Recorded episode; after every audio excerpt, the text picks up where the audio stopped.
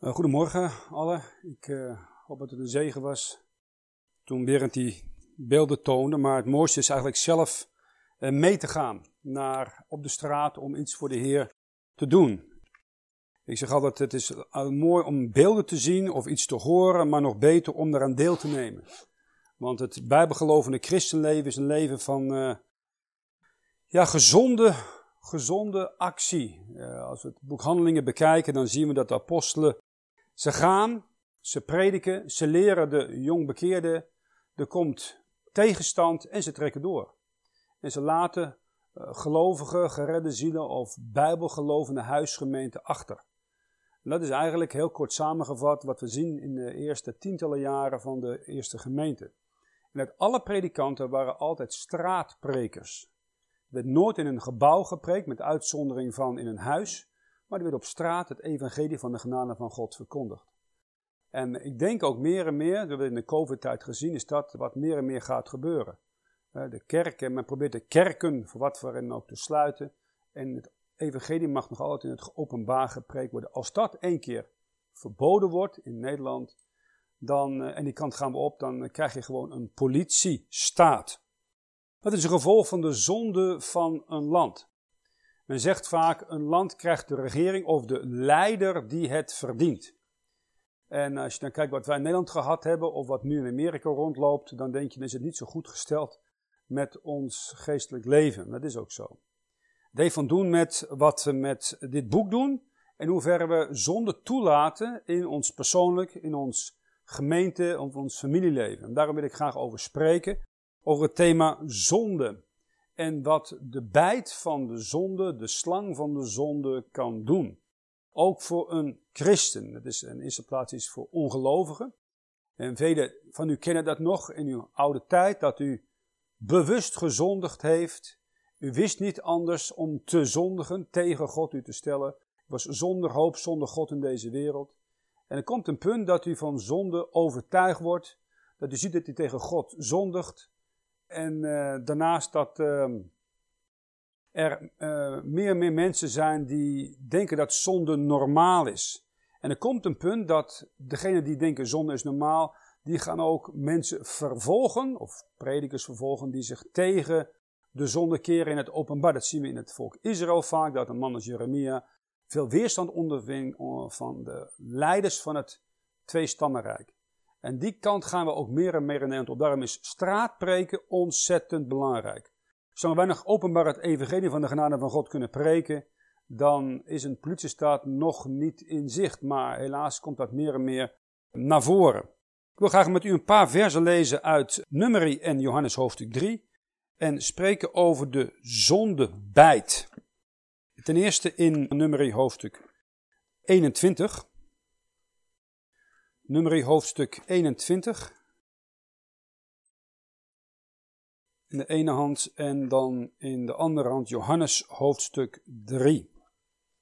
Het is een bekend verhaal over de koperen slang die door Mozes wordt opgesteld om de Israëlieten die gebeten zijn te redden van een fysieke dood. Nummer hoofdstuk 21 vanaf vers 4. Toen reisden zij van de berg Hor op de weg der Schelfzee, dat zij om het land der Edomieten heen togen. Doch de ziel des volks werd verdrietig op deze weg. En het volk sprak tegen God en tegen Mozes, waarom hebt gij lieden ons doen optrekken uit Egypte, opdat wij sterven zouden in deze woestijn? Want hier is geen brood, ook geen water, en onze ziel walgt over dit zeer lichte brood. Toen zond de Heere vurige slangen onder het volk, die beten het volk, en er stierf veel volk van Israël. Daarom kwam het volk tot Mozes en zij zeiden, wij hebben gezondigd, omdat wij tegen de Heere en tegen u gesproken hebben. Bid de Heere dat hij deze slangen van ons wegnemen. Toen bad Mozes voor het volk. En de Heere zeide tot Mozes, maak u een vurige slang en stel ze op een stang. En het zal geschieden dat al wie gebeten is, en als hij er aanziet, zo zal hij leven. En Mozes maakte een koperen slang en stelde ze op een stang. En het geschiedde als een slang iemand beet, zo zag hij de koperen slang aan en hij bleef levend. Dat is het eerste gedeelte van de schriftlezing in het Oude Testament. Het heeft een toepassing in het Nieuwe Testament en dat vinden we in Johannes hoofdstuk 3, vers 14 en vers 15. We lezen in Johannes hoofdstuk 3, vers 14. Gelijk Mozes de slang in de woestijn verhoogd heeft, alzo moet de zoon des mensen verhoogd worden. Opdat een iegelijk die in hem gelooft, niet verderven, maar het eeuwige leven hebben. Nou, dat is eigenlijk onze tekst, een kerntekst, een prachtige evangelietekst. En wat u gelezen heeft in het Oude Testament over dat volk wat zich zo verzondigd heeft, is een beeld van ieder van ons, en misschien op dit moment u ook wel, die zich, als u zondigt, eerst tegen God verzondigt. En u spreekt dan als eerste tegen God, en dan ten tweede tegen wie God over u heeft gesteld. Een slang is als een als zonde. En heden ten dagen komt zonde zo snel en zo brutaal op vooral de jongeren, maar ook de ouderen toe, dat je eigenlijk nauwelijks kans hebt om hem te ontvlieden, vooral met de moderne nieuwsmedia. Uh, ook even een reden hè, waarom de twee grote conglomeraten in Nederland die uh, kranten publiceren zijn in handen van Belgen, van katholiek. Eén is een Jezuïetenfamilie. En uh, de grote jongen in het Gooi die daar de boel in handen heeft, miljardair, dat is ook een katholiek. En die zorgen ervoor dat een protestantse bevolking, of voormalig protestantse bevolking, ja, door zonde verlamd wordt. En dat de vijand meer en meer een recht krijgt om dit volk kapot te maken. En uh, als ik naar, naar Azië ga, dan heb je vaak slangen, cobra's, vooral in India, in de bush daar. En uh, als je, er goed, op een gegeven moment zei mijn zoon, nou ik zou wel zo'n stofslang willen hebben, die kan je wel kopen in Nederland of Duitsland, maar die kun je daar nooit kopen. Want als een kind zich gewend daar aan met een stofslang te spelen en dan ziet een echte slang, dan kan ik ook meespelen, wordt hij gebeten. En dat is een beetje hoe het is in Nederland tegenwoordig. Nederland, Nederlanders leren, ja, zonde is, is leuk, is fun, is aardig, is onderhoudzaam. En dan worden ze toch gebeten en dan denken ze, hoe kan dat nou? Uh, dat is een te treurige van uh, heden ten dagen. En vooral jeugd. Jeugd mag je toch niet met de Bijbel om de oren slaan. Het is uh, haatprediking. En dan komen ze in allerlei zonnen in de gevangenis. En dan, ja, dan kunnen ze misschien wel een Bijbeltje krijgen. Dus je kunt beter omdraaien. Nu, ehm, de Bijbel zegt in het boek Jesaja hoofdstuk 45 vers 22. Wend u naar mij toe. Word behouden alle gij einden der aarde. Want ik ben God en niemand meer. Als de Joden toen, de Israëlieten, gebeten werden vanwege hun zonde, dan zegt God eigenlijk, wend u naar mij toe. Word behouden alle geëinden der aarde. En dat is een heel belangrijk punt, ook als u zelf nog niet gered bent, dat u nooit dient te vergeten dat er een God is die dat allemaal ziet en genade en geduld heeft en zegt, wend u naar mij toe. En de Israëlieten, hebben we gezien in uh, nummer 21, was eigenlijk een heel ondankbaar volk. Het was een volk wat als enige de God van hemel en aarde nog had. Alle andere volken, ook wij, hè, de vroegere Germaanse volken, die waren al lang in afgodendienst vervallen, de Babylonische mysteriereligie. En dit volk wordt dan uitgeluid uit Egypte, wat al die afgoden had, tien grote goden door de tien plagen, openbaar vernietigd werden. En wat doet het volk Israël dan als ze eindelijk uit het land gegaan zijn? Ze hebben die oordelen gezien. Ze hebben gezien hoe Farao en de, het machtigste leger toen de tijd vernietigd wordt in, de, in het water. En ze zijn ondankbaar. En we lezen in vers, de ziel van het volk, vers 4, werd verdrietig op deze weg. En waarom werden ze verdrietig? Ze gingen te veel in het verleden terugkijken. Dat kunt u ook hebben als u gered bent en u gaat terugkijken. Ja, maar vroeger was het zo slecht nog niet. Toen ik nog niet gered was. Ik had toch een paar goede dingen, ik had wat goede vrienden en zo. En je gaat misschien in een soort zelfmedelijden vervallen.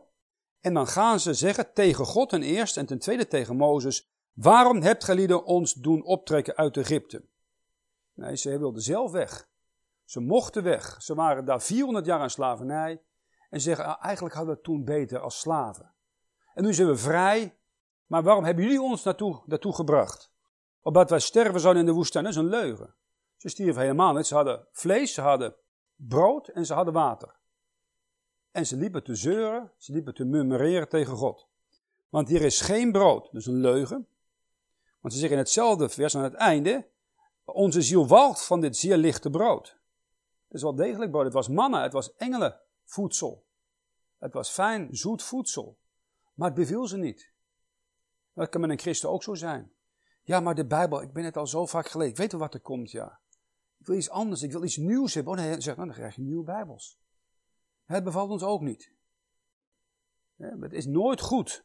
En dat is ook soms bij een christen zo. Een heel, heel veel van het christenleven is een, een sleur. Het Bijbel lezen, het opstaan, het in gebed gaan, de bidstond bezoeken. Natuurlijk doet u dat heel graag. Het is waarschijnlijk de best bezochte samenkomst, niet waar? In de gemeente. Samen op de straat is ook geen, überhaupt geen probleem voor u. U bent natuurlijk altijd tot eens in de maand erbij. Dus is ook twee uur, dus wel heel veel eh, in de maand om daar te reserveren. Want het vlees wil dat niet. Dat is ook mijn thema. Wat uw vlees uiteindelijk uw grootste vijand is. Er is geen water. Er was wel degelijk water. Dus op het moment dat het volk gaat murmureren en terug wil naar Egypte, wat doet God dan? Hij stuurt vurige slangen onder het volk, die beten het volk.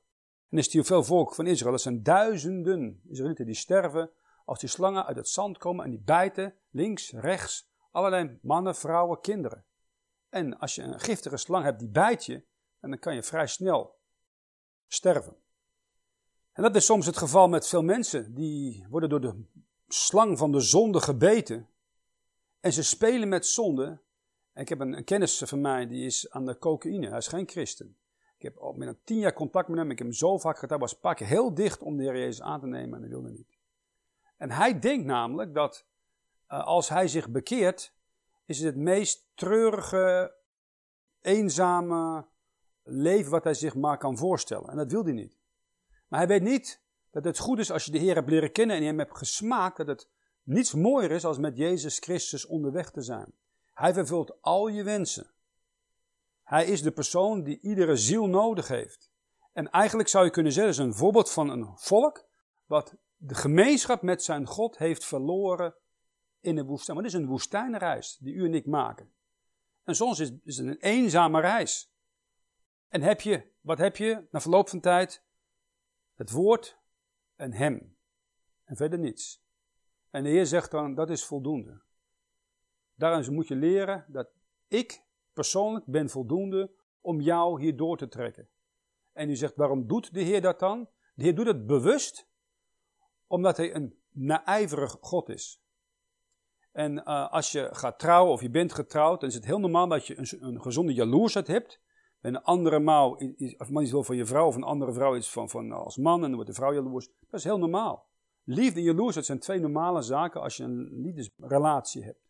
En dat is hier bij God ook zo. Hij bevalt hem niet dat zijn volk zegt, wij willen terug naar Egypte. Naar de afgoden van Egypte. En indirect zeggen ze, willen niet meer te doen hebben met die God die ons verlost heeft uit Egypte, uit de slavernij, ons gekocht heeft met het bloed van een lam, een beeld van Jezus Christus. Nu, die, uh, die bijt van een slang is bijzonder pijnlijk. En je voelt de pijn als je gebeten bent voordat je sterft. Hetzelfde als je van die grote mieren hebt, die vuurmieren hebt. Als die één keer gebeten gaan bijten, dan, ja, dan word je ook waanzinnig van pijn. En tegenwoordig, als je naar de apotheek gaat, wat men althans ook in Nederland verteld is, dat is de paracetamol en al die andere pijndoders, dat is na normale drugs de tweede verkochte, zeg een, een drug, een middel wat je pijn onderdrukt. Het tweede na best verkochte product in Nederland. Er zijn heel veel mensen die hebben heel veel pijn. En die hebben pijntabletten nodig. En de Jezus die sterft een hele pijnlijke dood. En hij stierf dat voor u en voor mij. Hij was uitgedroogd, zijn wonden waren geïnfecteerd. Wat je vaak zag als die mensen stierven, dan kwamen de vogels aan het cirkelen rondom hen om de ogen uit te pikken, soms nog als ze nog leefden. Het zenuwstelsel ging kapot door de spijkers in de handen en de voeten. Die werden niet hier ingeslagen, die werden hier geslagen, want dat is een gedeelte van de hand nog, zodat het lichaam niet door het gewicht de handen en de voeten kapot trok. Het gebeend werd uit elkaar getrokken. De manier om te sterven was door verstikking. De longen die kregen geen lucht meer. De longen die, die klapten dan in. En men ging vaak hallucineren.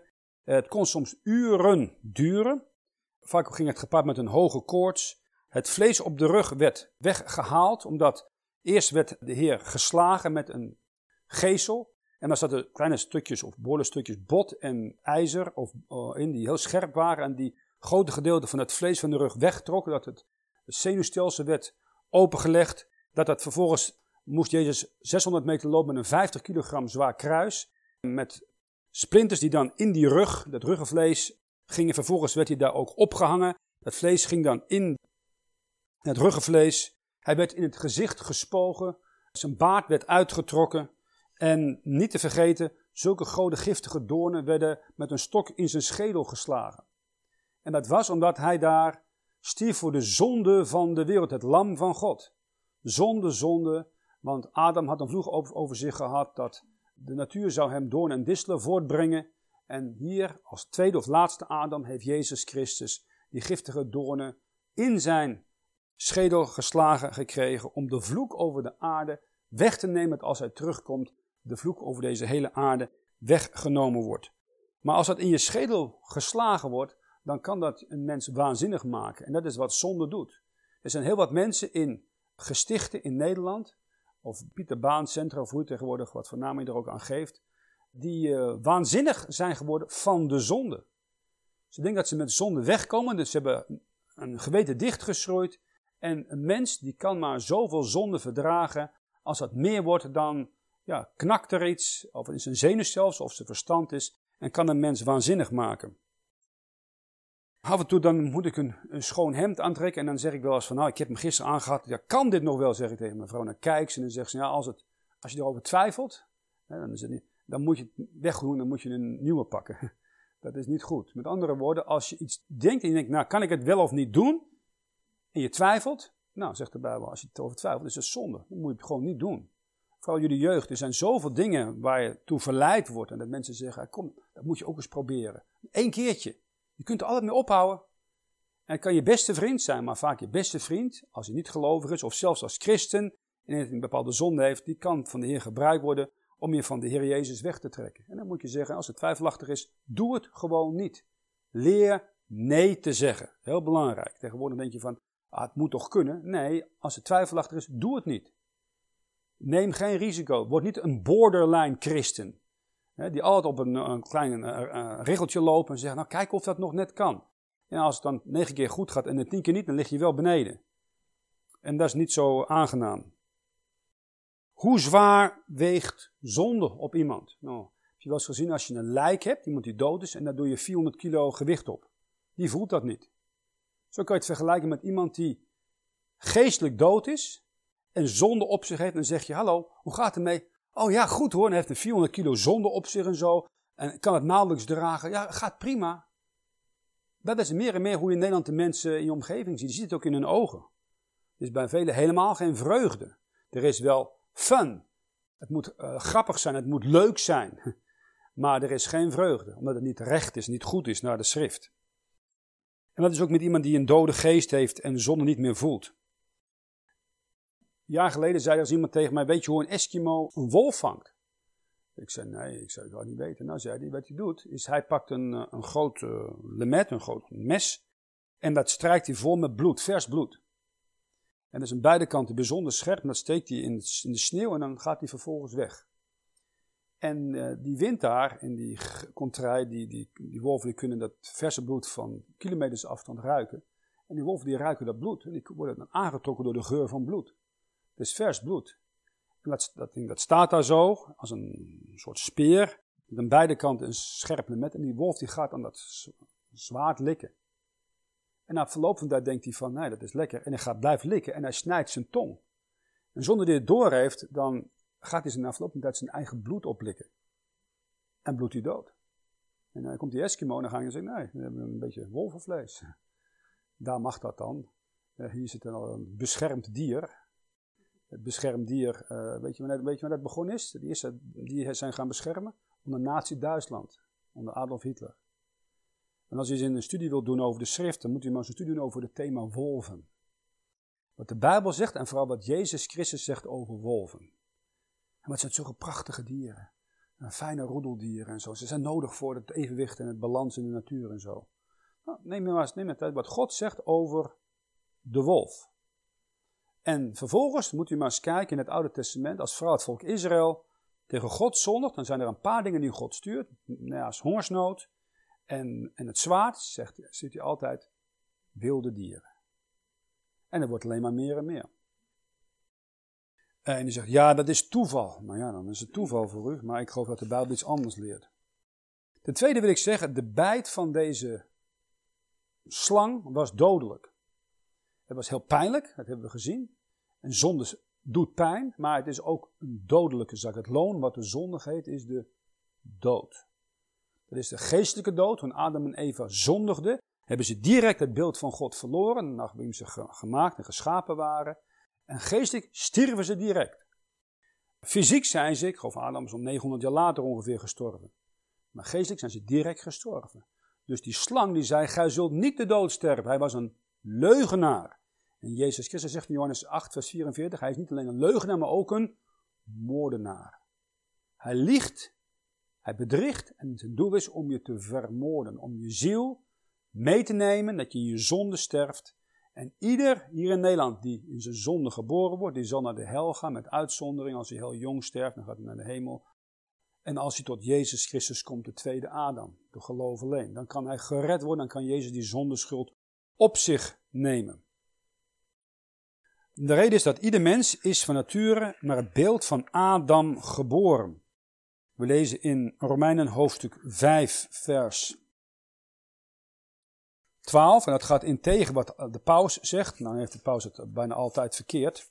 Dus in het algemeen, als, hij iets zegt dat het wit is, is het zwart. Dat kun je in het algemeen het woorden. Vroeger baptisten die zeiden dat ook zo. als de paus zegt dat het groen is, dan is het waarschijnlijk rood. En dan kun je na uitgaan dat het inderdaad niet groen was. Romeinen 5, vers 12. Daarom gelijk door één mens de zonde in de wereld ingekomen is. En door de zonde de dood, alzo de dood tot alle mensen doorgegaan is. In welke alle gezondigd hebben. Van ben je in Adam geboren. Dus je liegt omdat je een geboren leugenaar bent. Soms zie je dat mensen hele fijne lieve baby's hebben en zeggen ze, ah wat een klein schatje. Dan, ja, dat is een geboren leugenaar. Oké, okay, zo is het nou zeggen. nou wacht maar tot je kind een beetje ouder wordt. Je hoeft niet, niets bij te brengen. Hij gaat vanzelf liegen en bedriegen en roven. En dat is in zijn natuur. Hoeft niemand hem bij te brengen. Dan zeggen ze van, ja, je moet mensen, kinderen seksuele voorlichting geven. Dat hoef je helemaal niet te geven, dat vinden ze allemaal zelf uit. Is geen enkel probleem. Ik heb nog nooit gehoord dat er in een land dat het noodzakelijk is. Dat gebeurt allemaal vanzelf. Daar hoef je niks voor te doen. En je moet ze juist beperken om bepaalde dingen niet te doen.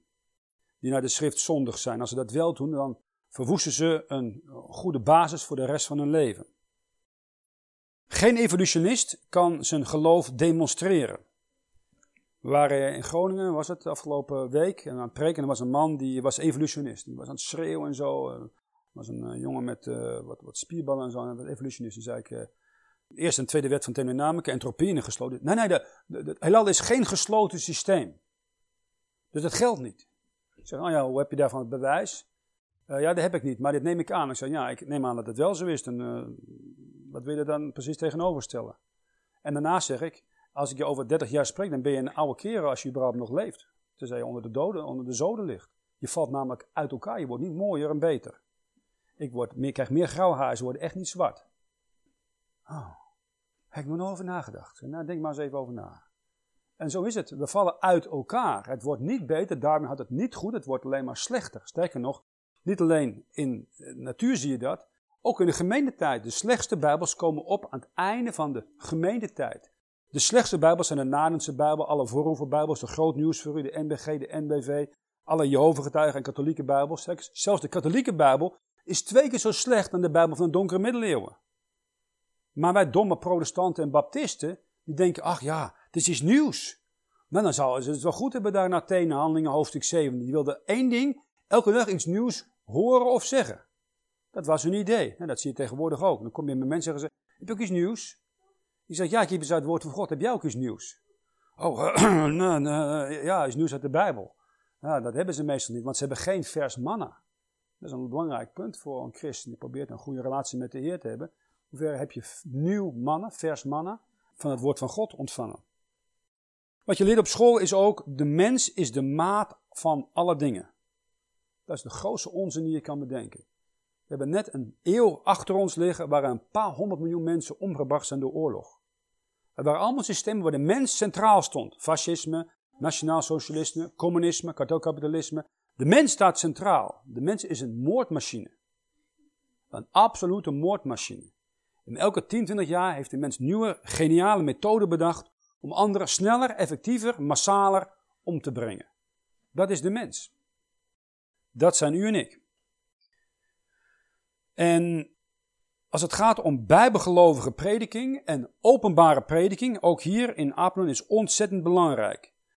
De reden is dat ook hier in de Bijbelbelt meer en meer wordt de idee ondergraven van absolute waarheid. Dat betekent, dit boek is niet meer absolute waarheid, want je hebt ook een HSV. Of een NBV, of wat voor Bijbel dan ook. En de bedoeling van al die nieuwe Bijbels is heel duidelijk om één boek aan te vallen. Het is niet het Hebreeuwse, Masoretische tekst, het is echt niet de Griekse tekst, receptus. Het gaat om om dit boek aan te vallen en te ontkrachten dat de mensen niet met dit boek gaan geloven. Dat is de belangrijkste reden waarom alle nieuwe Bijbels opkomen. Om het ondergraven van absolute waarheid is in een persoon Jezus Christus en in een boek, de Heilige Schrift, dat u voor u heeft. En idee heden ten dagen is, uh, hoe meer zonde, hoe moderner een samenleving. We hadden afgelopen week zo'n afschuwelijke ja, week waarin uh, seksperversie normaal neergezet wordt. Het is letterlijk in het water gevallen. Fantastisch, dat is een mooie gebedsverhoring. Volgende bid bidt u daar wederom voor. Maar het is een, gruwel in de ogen van God. Dat is wat de schrift zegt. Niet wat ik zeg. Een oude evangelist heeft ooit eens gezegd: Oorlog is Gods oordeel op zonde op aarde en de hel is Gods oordeel op zonde na dit leven.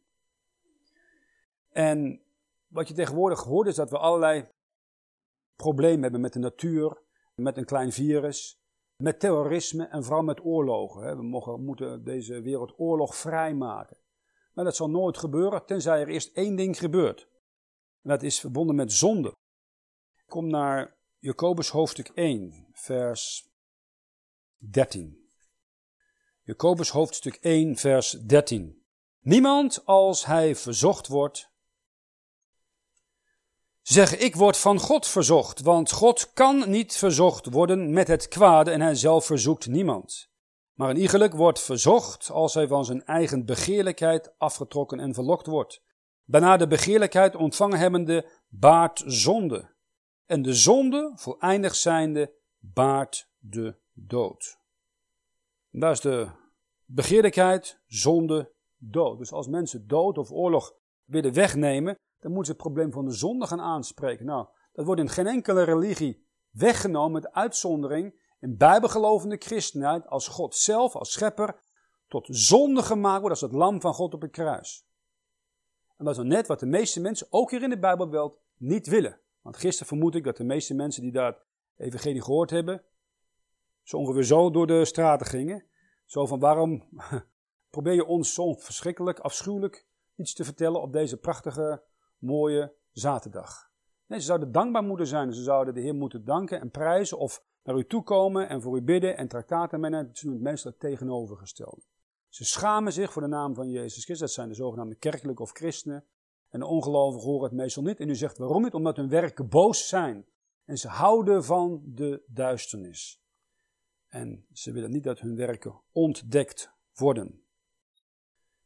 De oude wegen zijn maar beter dan de nieuwe wegen. De oude wegen zijn verbonden met het woord van God. De nieuwe wegen zijn al het andere, maar niet op die smalle weg door die nauwe poort te gaan. Dat is de kern van de moderne samenleving.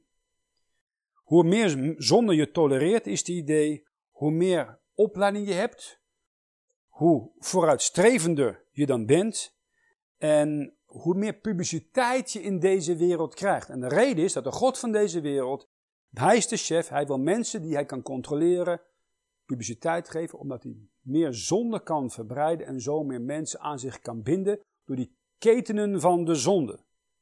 En sommigen van u zijn gered en het heeft u soms jaren gekost. Niet om gered te worden, dat is een zaak die eens kan gebeuren, maar om van die ketenen van de zonde bevrijd te worden. En sommigen moeten nog steeds zeggen, ik moet elke boze schijn van dat en dat mijden, want dat kan me zo weer terugbrengen om met die ketenen van de zonde als christen gebonden te zijn. Daar wil ik ook aan het einde nog iets over zeggen, hoe overwinning over zonde te krijgen. Nu, die slangen die kwamen naar boven en uh, de reden is, God stuurt die slangen. Omdat ze aan het murmureren zijn tegen God. Dus God laat bepaalde dingen toe, ook in Nederland. Sommigen denken van, nou, er zijn zoveel dingen, ellende komt er in Nederland. Waarom is dat? Dat is vanwege de zonde van de Nederlanders. De zonde van dit land. Dit land kan die zonde niet dragen en als gevolg daarvan stuurt God allerlei, of het nou wilde dieren zijn of oordelen zijn, over dit land. En dat is de ware reden. Als je tenminste een bijbelgelovige bent. Een land kan nooit ongestraft Gods woorden aan de kant schuiven. Dat zien we bij Israël. Met de tien geslachten die naar Assyrië verbannen worden. En nog altijd weg zijn de twee geslachten naar Babel. En kwamen na 70 jaar terug. En vervolgens hebben ze de Messias gekruisigd. Toen de tempeldienst uiterlijk in orde was. Maar het hart van het volk ver van God weg was. We zien het met de Grieken die het woord van God in het Oost-Romeinse Rijk 1400 jaar lang hadden. Eigenlijk tot op de dag van vandaag. Maar het ontkracht door hun traditie en de heilige verering en de Maria-verering. Toen kregen de Nederlanders en de Duitsers dat, met Erasmus en Luther en dergelijke, en Menno Simons.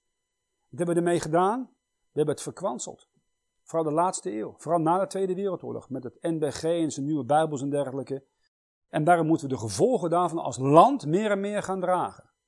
Het enige wat je kan doen als bijbelgelovende christen is bidden voor de overheid. Het evangelie in het openbaar preken dat het oordeel nog niet zo snel en hard doorkomt. Maar het zal gaan gebeuren.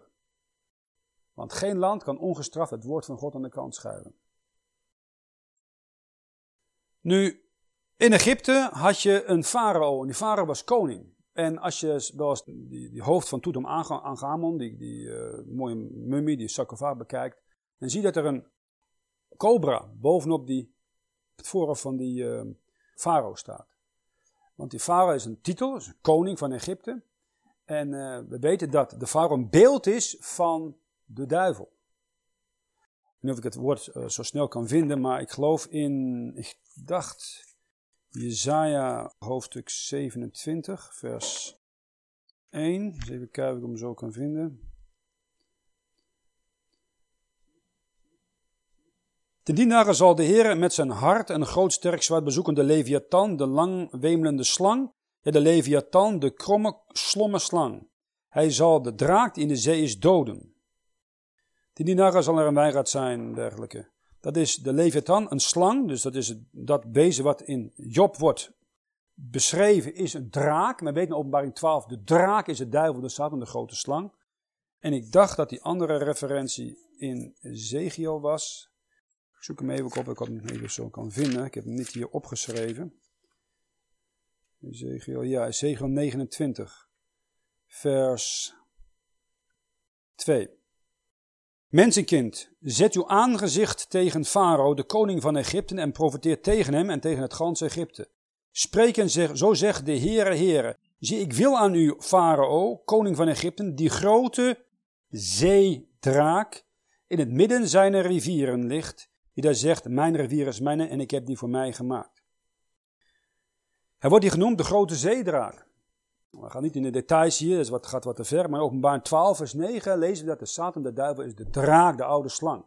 En hij is de overste, de God van deze wereld. En die farao is een beeld van de God van deze wereld. Het volk wil terug naar Egypte, naar de wereld.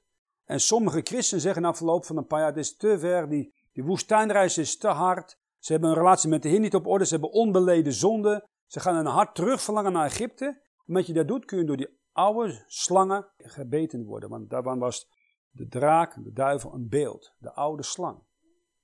Dat wilde Israël doen. Ze wilden terug.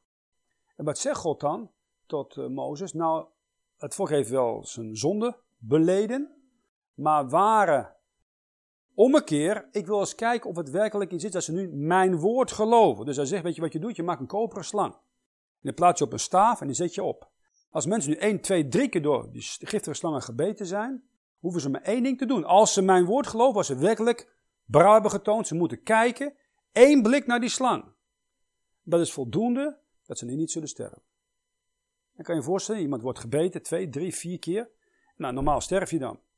Je ziet 1, 2, 3 mensen in de omgeving sterven en, hij hoort wat God zegt via Mozes. Dan kan hij zeggen, weet je wat, ik ga kijken naar die slang. Op het moment dat je uit die één blik werpt, is die gered. Als hij dat niet doet en zegt, nou ja, zou ik wel meer zeggen, En hij kijkt niet, dan sterft hij in zijn zonde. En weet je wat de Heer Jezus zegt? Be, koperslang is een beeld van mij. We zullen zo zien waarom dat is.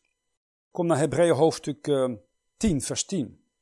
Dan zien we het Nieuwe Testament iets wat de katholieke kerk nooit heeft begrepen. Er zijn maar 1 miljard katholieken het heden ten dagen. Die begrijpen niet dat het een offer is wat eens en voor eeuwig is gebracht. Dat is ook de reden waarom het hele Vaticanus manuscript Hebreeën 10 met 11, 12, 13 eruit gooit. Want dan zeggen ze, ja dat gaat maar niet iets. Dat is iets wat ons, ons niet past.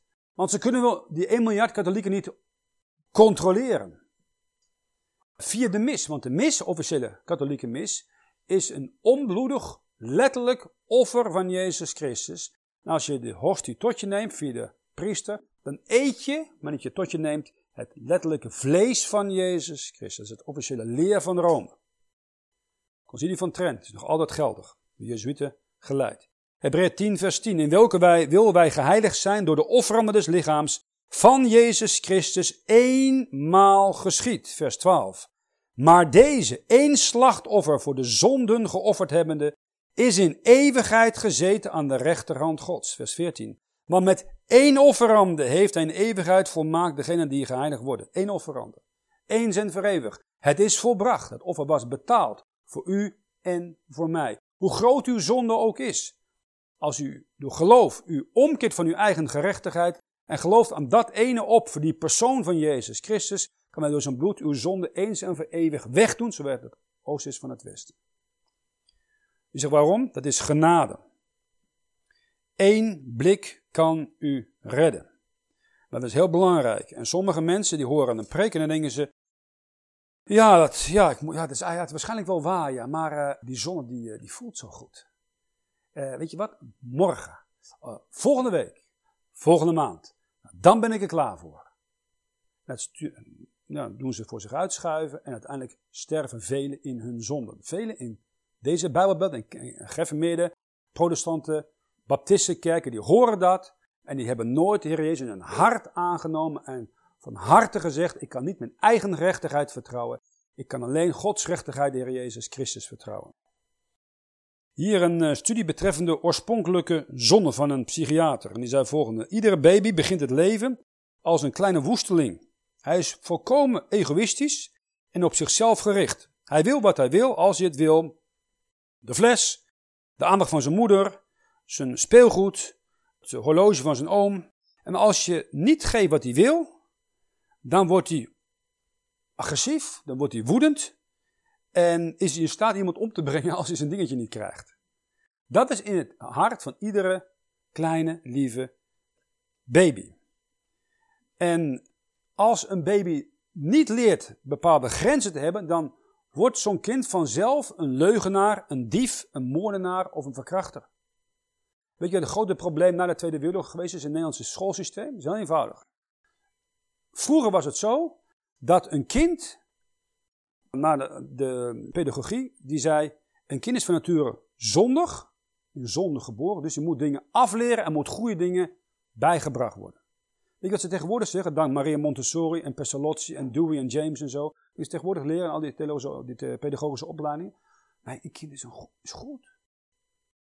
Je moet hem toch helpen om zijn uh, talenten, geslacht, wat dan ook, te ontwikkelen. Dat hij zelf kan bepalen wat wel of niet goed is.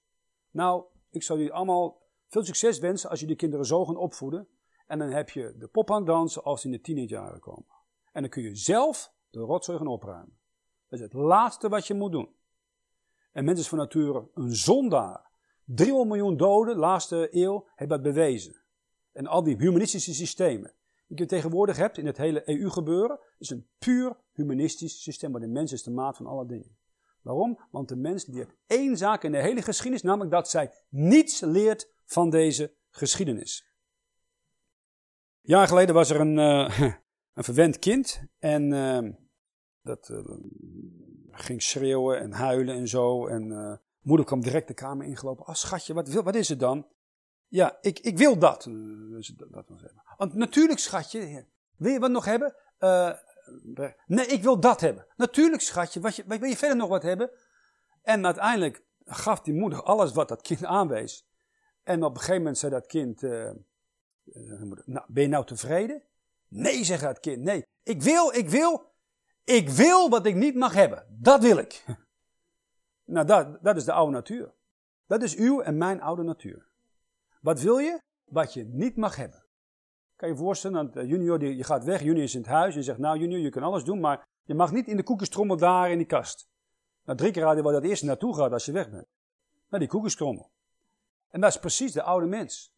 De oude mens die is van nature onverbeterlijk. Een jaar geleden was er een uh, bekende kerkvader en die uh, had de redding begrepen. En op een gegeven moment zei hij tot God, Heer, red me van mijn zonde, maar nu nog niet. Nou, de Heer gaf hem meer overtuiging. En op een gegeven moment zei hij dan tot de Heer, Heer, red me van uh, al mijn zonden, met uitzondering van die ene, die, die ene niet. Maar de Heer deed niks. En uiteindelijk zei hij, Heer, red u me alsjeblieft, want ik ben van nature niets, er is niets goeds in me. Toen kon de Heer hem redden. En soms, sommigen van u moeten, net als een mens in het water gevallen is, en, en hij zegt, help me, help me, laat hem verdrinken, toont raar, dat hij onder water gaat en ophoudt te strijden, en dan kan iemand erin gaan en hem pakken. Weet je waarom? Dan laat hij zich redden. Als je dat niet doet en je gaat te vroeg, dan is hij zo in paniek, dan pakt hij jou en trekt hij jou mee naar beneden. En sommigen van u moeten misschien dat nog ervaren, dat ze zo diep in zonde moeten zingen, nog meer zonde moeten smaken, dat ze zeggen, Heer, het is genoeg geweest, u mag alles hebben, u mag me volkomen redden. Nu, één slang is noodzakelijk, want als één slang gebeten heeft, dat zou de dood dan brengen. Mozes had zoiets gedaan. Die zei op een gegeven moment, uh, God tot Mozes, Mozes, hier heb je een, een rots en het volk wil uh, drinken. Je moet die rots slaan en dan komt er water uit. En de tweede keer moest hij er tegen spreken. Maar deed Mozes, nou, hij zei, nou ik ga hem weer slaan en sloeg hem meer dan één keer. En het gevolg was dat er weliswaar water uitkwam, maar hij mocht niet in het beloofde land. Hij had veertig jaar al dat gemurmureer en gezeur door moeten houden van de Israëlieten. Hij maakte één kleine zonde. Het kostte hem de toegang in het beloofde land.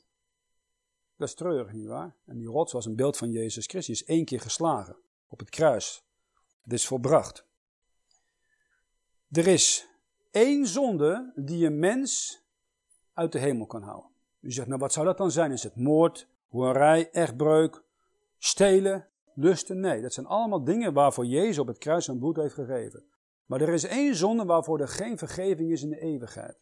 Laten we eens even kijken wat dat is. Naar Johannes hoofdstuk 3. We hebben het vers al gelezen. In vers 14, eh, laten we het nogmaals lezen. Johannes 3, vers 14. En, en gelijk Mozes de slang in de woestijn verhoogd heeft, alzo moet de zoon des mensen verhoogd worden. Opdat een iegelijk die in hem gelooft. De Israëliet die gebeten was, moest geloven aan het woord van God via Mozes op die koperen slang kijken, een beeld van Jezus Christus. Als hij dat deed, zou hij niet verderven, niet sterven, maar het eeuwige leven hebben. De zonde van ongeloof is de enige zonde waarvan God geen redding heeft. Als met een ongeloof Jezus Christus bewust afwijst voor de eeuwigheid, dan zegt God, oké, dan betaal je zelf voor je zonde. Die zijn tegen mij gedaan, ik ben eeuwig, de zonde is eeuwig, de straf is eeuwig. Daarom is de hel aan de poel des vuurs ook eeuwig.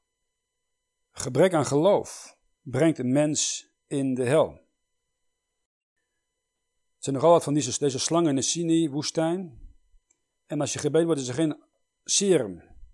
En men, een heeft me ooit eens gezegd, ik weet niet of het zo is, maar hij heeft me gezegd, dat bij een bepaalde slangenbeet is het bloed van een lam het enige serum wat werkt. Dat zou mooi passen. Is er iets wat niet van God komt? Ja. Weet je wat niet van God komt? Zonde. Zonde komt niet van hem. Zonde komt van, als gevolg van de ongehoorzaamheid van de mens.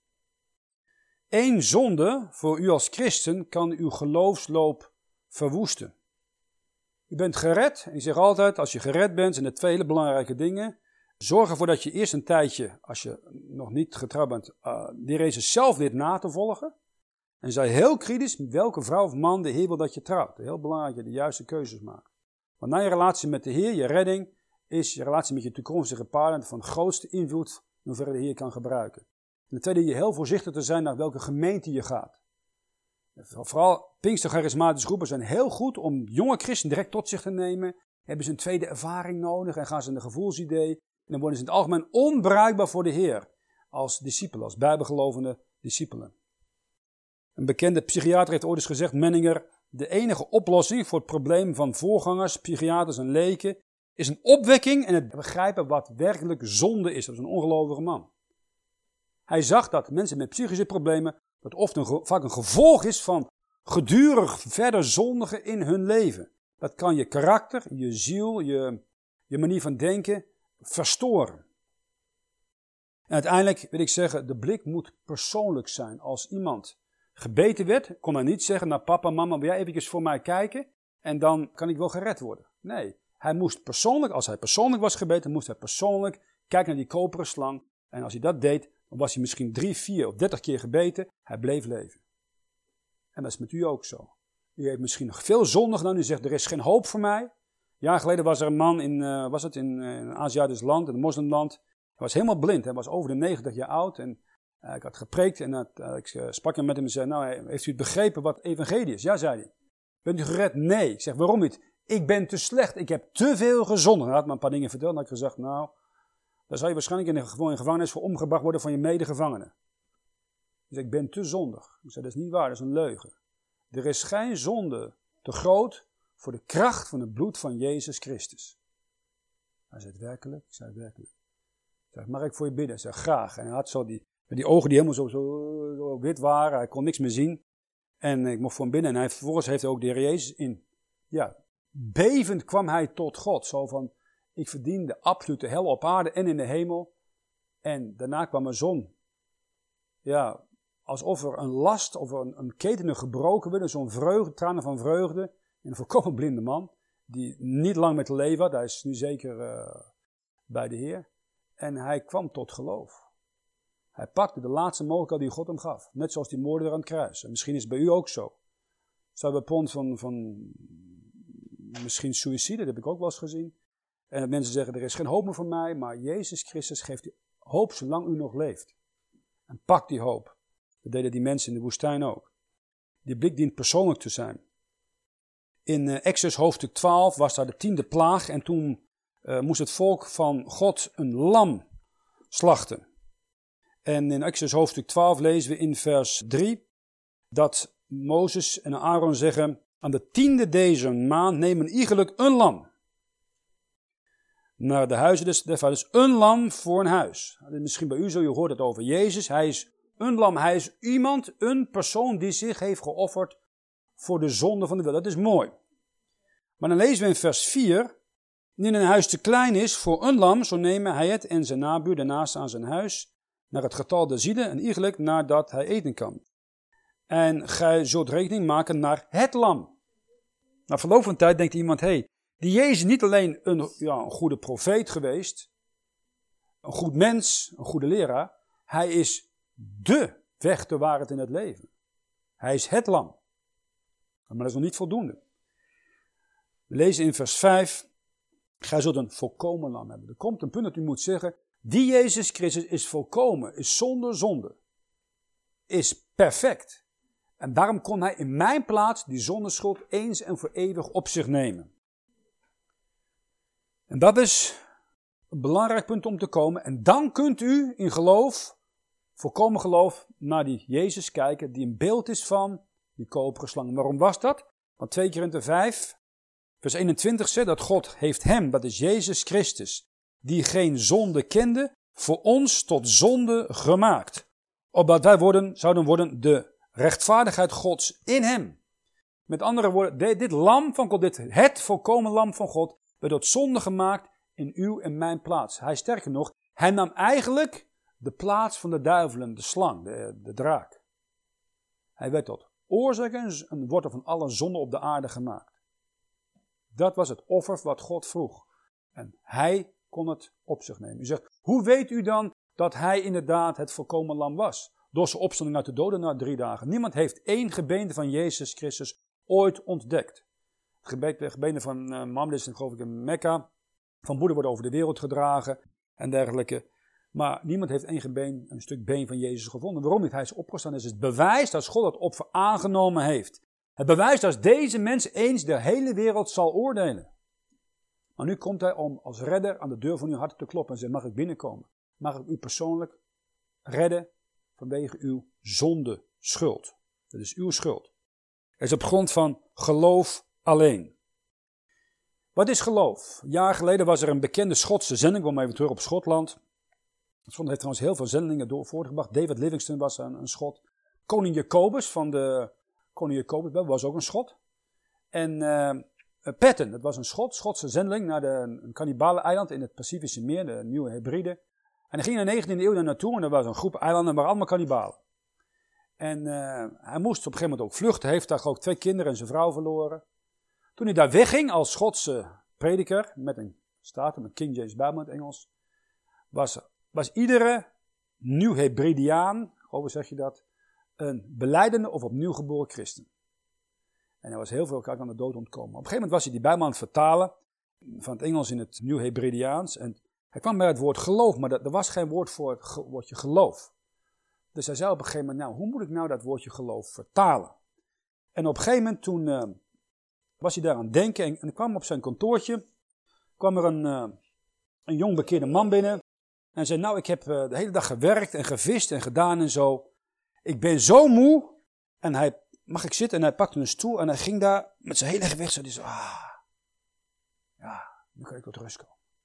En toen dacht dat is nou een heel mooi voorbeeld van iemand die van, van het woord geloof. Geloof is vertrouwen dat je, stel dat hier de hel is, en hier heb je een kruk die jou van die hel weg, en het enige wat je weghoudt die hel is dit stoeltje.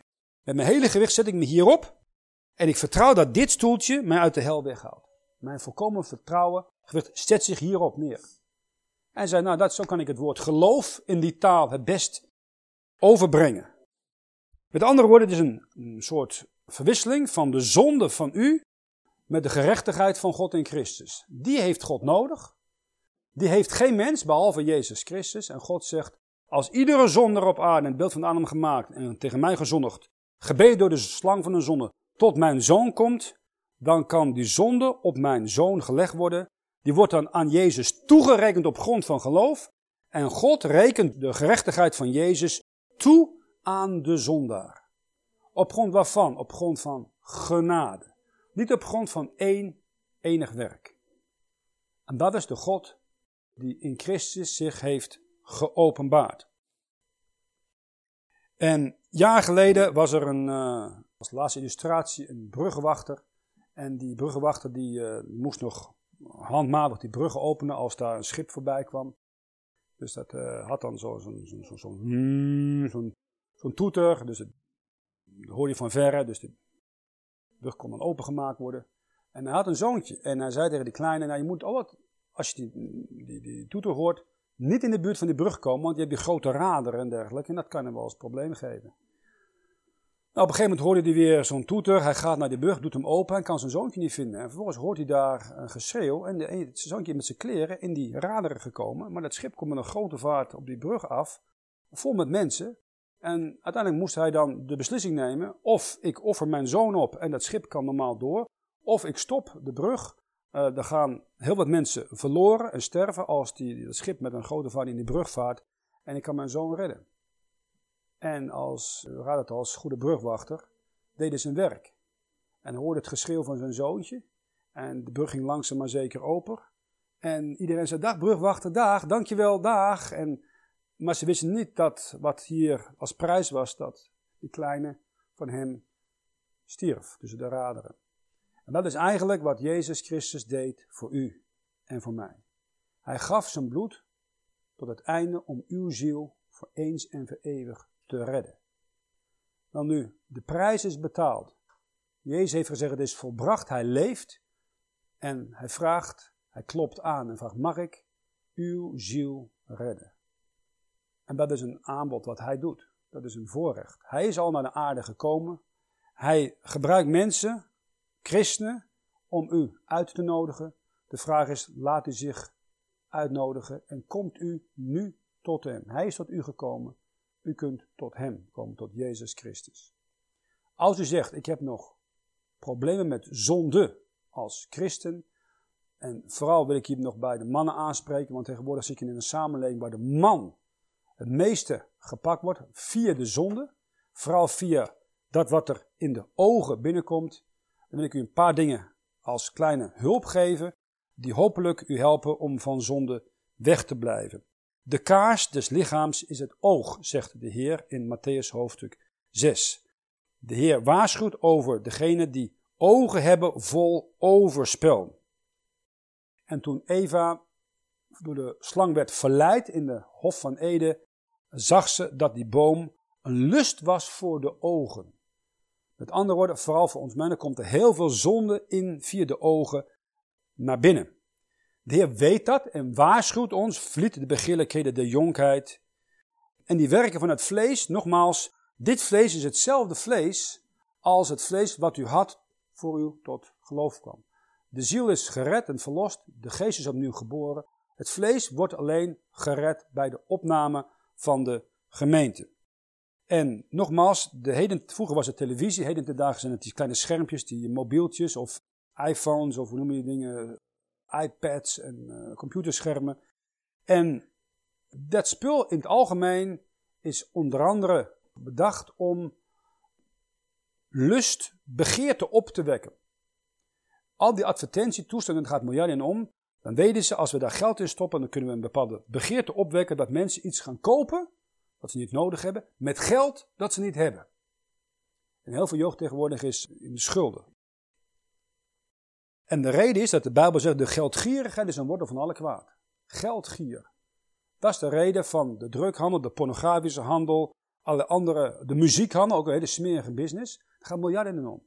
Geldgierigheid. Het maakt niet uit wat het is, want de oude natuur van de mens houdt van zonde. Dan kunnen we het gaan verkopen. Maar de Bijbel zegt dat, ook als u gered bent, heeft u een oude Adamitische natuur. Dit weten dat onze oude mens is met hem gekruisigd. Met andere woorden, als je tegenwoordig naar buiten gaat, dan word je direct geconfronteerd via de ogen met allerlei zonden. Nu is de vraag, hoe ga je daarmee om als christen? Hier een, een check, dat is 10, 20 jaar geleden, dat op de televisie van, uh, en dat was wel eens een soap-opera's, deze um, slappe filmen, uh, dat 79% van alle daden die op televisie verbonden waren met seks, was verbonden met hoerij of echtbreuk. 21% had van doen met iemand in het bed met zijn echtgenoot of echtgenote, wat sowieso niet goed is om ook te bekijken. En dat was een aantal jaren geleden. Nu, heel praktisch, om, want ik spreek tot christenen, om van zonde weg te blijven. Ik wil graag een paar voorstellen doen die hulp, hopelijk hulpvol zijn. Neem veel tijd om naar buiten te gaan. Heden ten dagen krijg je een generatie mannen die binnen zitten, in auto's en in kantoren zitten. En een man is geschapen, net zoals Adam, om buiten te zijn. En als je dingen ziet die buiten zijn, dan is er veel minder verzoeking als dingen tussen vier muren. En zeker als het gaat om die, uh, die mobieltjes tegenwoordig. Een tweede, neem tijd om het woord uit je hoofd te leren. Het woord van God houdt je van zonde weg. Zonde houdt je bij het woord van God weg. De Bijbel zegt in Jozua hoofdstuk 1 vers 8 als een hulp voor Mozes, die zijn navolger Jozua had, dat het boek deze wet niet wijken van uw mond, maar overleg het dag en nacht, opdat gij waarneemt te doen naar alles wat daarin geschreven is. Want als dan zult gij uw wegen voorspoedig maken, en als dan zult gij verstandiglijk handelen. Leer het woord uit je hoofd te leren. Een vers per week. Je kunt het ook als gemeente doen. Je zegt, weet je wat, we gaan vandaag deze week Romeinen, of deze maand de Romeinenstraat doen in het één vers per week. Met elkaar. Je herhaalt het op de zondag, je herhaalt door, door de week en zo.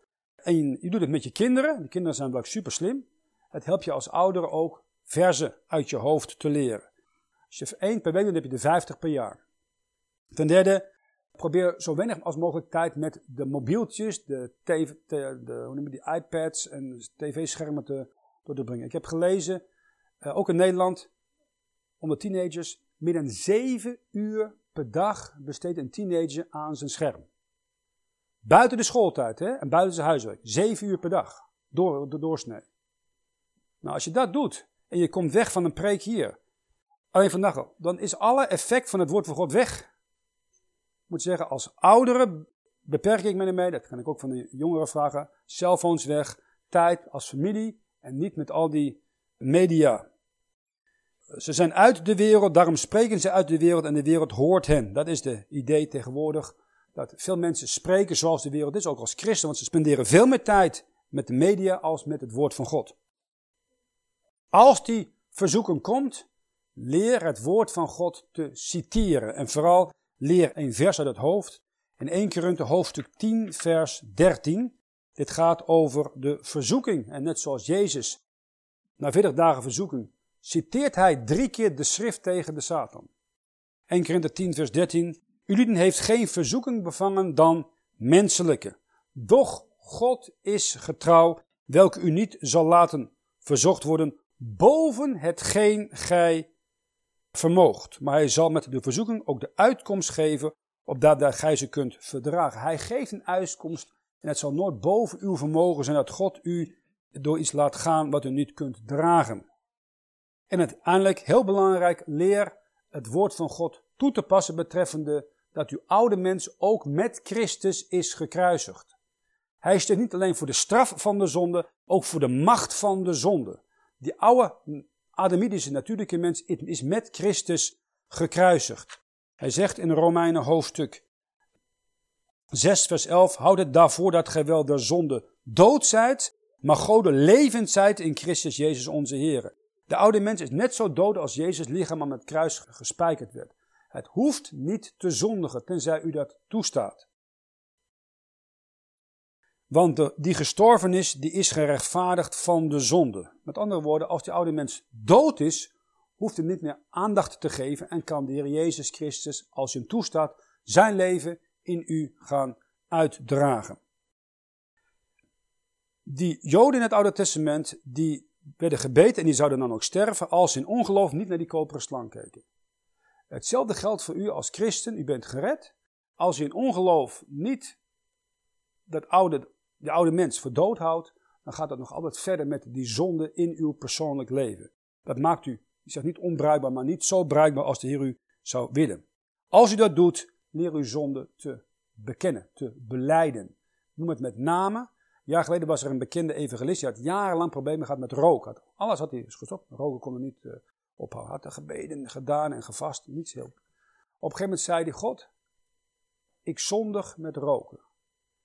Ik ben schuldig, wilt u de zonde van het roken bij mij wegnemen? En toen kon God het wegnemen. Het is een zonde, specifieke zonde beleiden. Dit wetende dat onze oude mens met hem gekruisigd is, opdat het lichaam der zonde teniet gedaan worden, opdat wij niet meer de zonde dienen. Je hoeft de zonde niet meer te dienen. Je bent vrij van die keten van de zonde van vroeger. En het kan alleen ongeloof zijn dat je daarin nog doortrekt. Heel belangrijk, pas op voor de beelden. Wij mannen worden verzocht, vooral wat, wat we zien. Vrouwen meer door wat, we, wat ze horen. De waarschuwing in nummer 33 vers 52 is, gij zult al hun beeltenissen verderven. De Joden moesten, Israëlieten moesten al de gegoten beelden en de beeltenissen van allerlei zondige dingen kapot slaan en volkomen vernietigen. Als ze dat niet deden, zouden ze in dezelfde zonde als de niet vervallen en zouden ze uiteindelijk ook dezelfde oordelen gaan ondergaan. Nu, ik wil afsluiten met een, uh, een voorbeeld. Er is een uh, klassieke theologie, een idee van wanneer komt nu zonde, wanneer begint zonde? En heden te dagen is de zonde is zo duidelijk overal rondom ons, veel meer dan 30 of 40 of 50 jaar geleden. Zonde wordt vaak eerst gepresenteerd. Je weet dat het niet goed is. Dat is nog geen zonde, maar het presenteert zich. Daarna wordt het mooi gemaakt, verlicht, aantrekkelijk gemaakt. En ze kunnen mensen soms zeggen, nou, heb je het wel eens geprobeerd? Dat is mooi, ja, dat voelt zo goed, of dat, dat smaakt zo goed, of dat hoort zo goed. En je weet dat het niet goed is. Maar dat is nog geen zonde.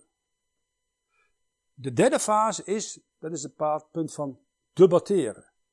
Die heeft Jezus nooit ingegaan, die derde fase. Hij gaat nadenken, ja, als ik het nu één keer doe, niemand ziet het. Ik kan het toch mee ophouden als ik wil. Het kost niet veel. Op het moment dat je gaat debatteren, komt zonde binnen. En dan ten vierde neem je de beslissing in je hart. In dit geval, ik ga die zonde doen. En de vijfde stap is de daad, dat is het uiterlijke. Maar het punt van zonde is al, bij de derde stap binnengekomen, je gaat erover nadenken. En het punt is, op het moment dat je zonde gepresenteerd krijgt en het wordt mooi gemaakt, dan moet je direct zeggen, 1 keer in de 10 vers 13. Direct het woord citeren. Als je gaat debatteren, dan verlies je. Weet je waarom? Want u en mijn vlees zijn hetzelfde vlees als van Adolf Hitler en Mao Zedong en alle andere massamoordenaars in deze wereld. Ons en mijn, ons vlees is niets beter van nature. Het is nog altijd ongered. Als je dat één keer weet, dan zeg je, ik moet me weghouden van de zaak van de zonde. Ik moet direct citeren. En dan kan de Heer mij macht geven over deze specifieke zonde.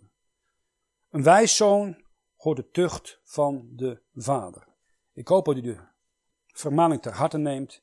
Zonde loont zich nooit. Een leven ter eer van de Heer en een heilig leven loont zich altijd. De prijs betaal je nu, de zegen krijg je later. Zonde is omgekeerd. Oh, je kan nu iets voor het vlees doen, maar de rekening wordt altijd later gepresenteerd. En is altijd meer dan u denkt dat die rekening zal zijn. Laten we de Arjen afsluiten in gebed. Vader, we danken nogmaals voor het woord van God en we danken dat u ons een zwaard heeft gegeven om ook met zon op een goede wijze om te gaan. We willen speciaal bidden als er nog iemand is die nog niet gered is. Dat deze persoon, zoals de Israëlieten die door de slang in de woestijn gebeten waren, opzien naar de koperen slang, opzien naar Jezus Christus, die eens en voor eeuwig met zijn bloed heeft betaald, die gezegd heeft het is volbracht, die nu klopt op hun hart en dat ze van ganse harten zich bekeren van eigen gerechtigheid en tot de naam van de Heer Jezus uitroepen, Heer Jezus, zij mij zondaar genadig, red mij alstublieft, op grond van uw bloed en uw werk, van de hel.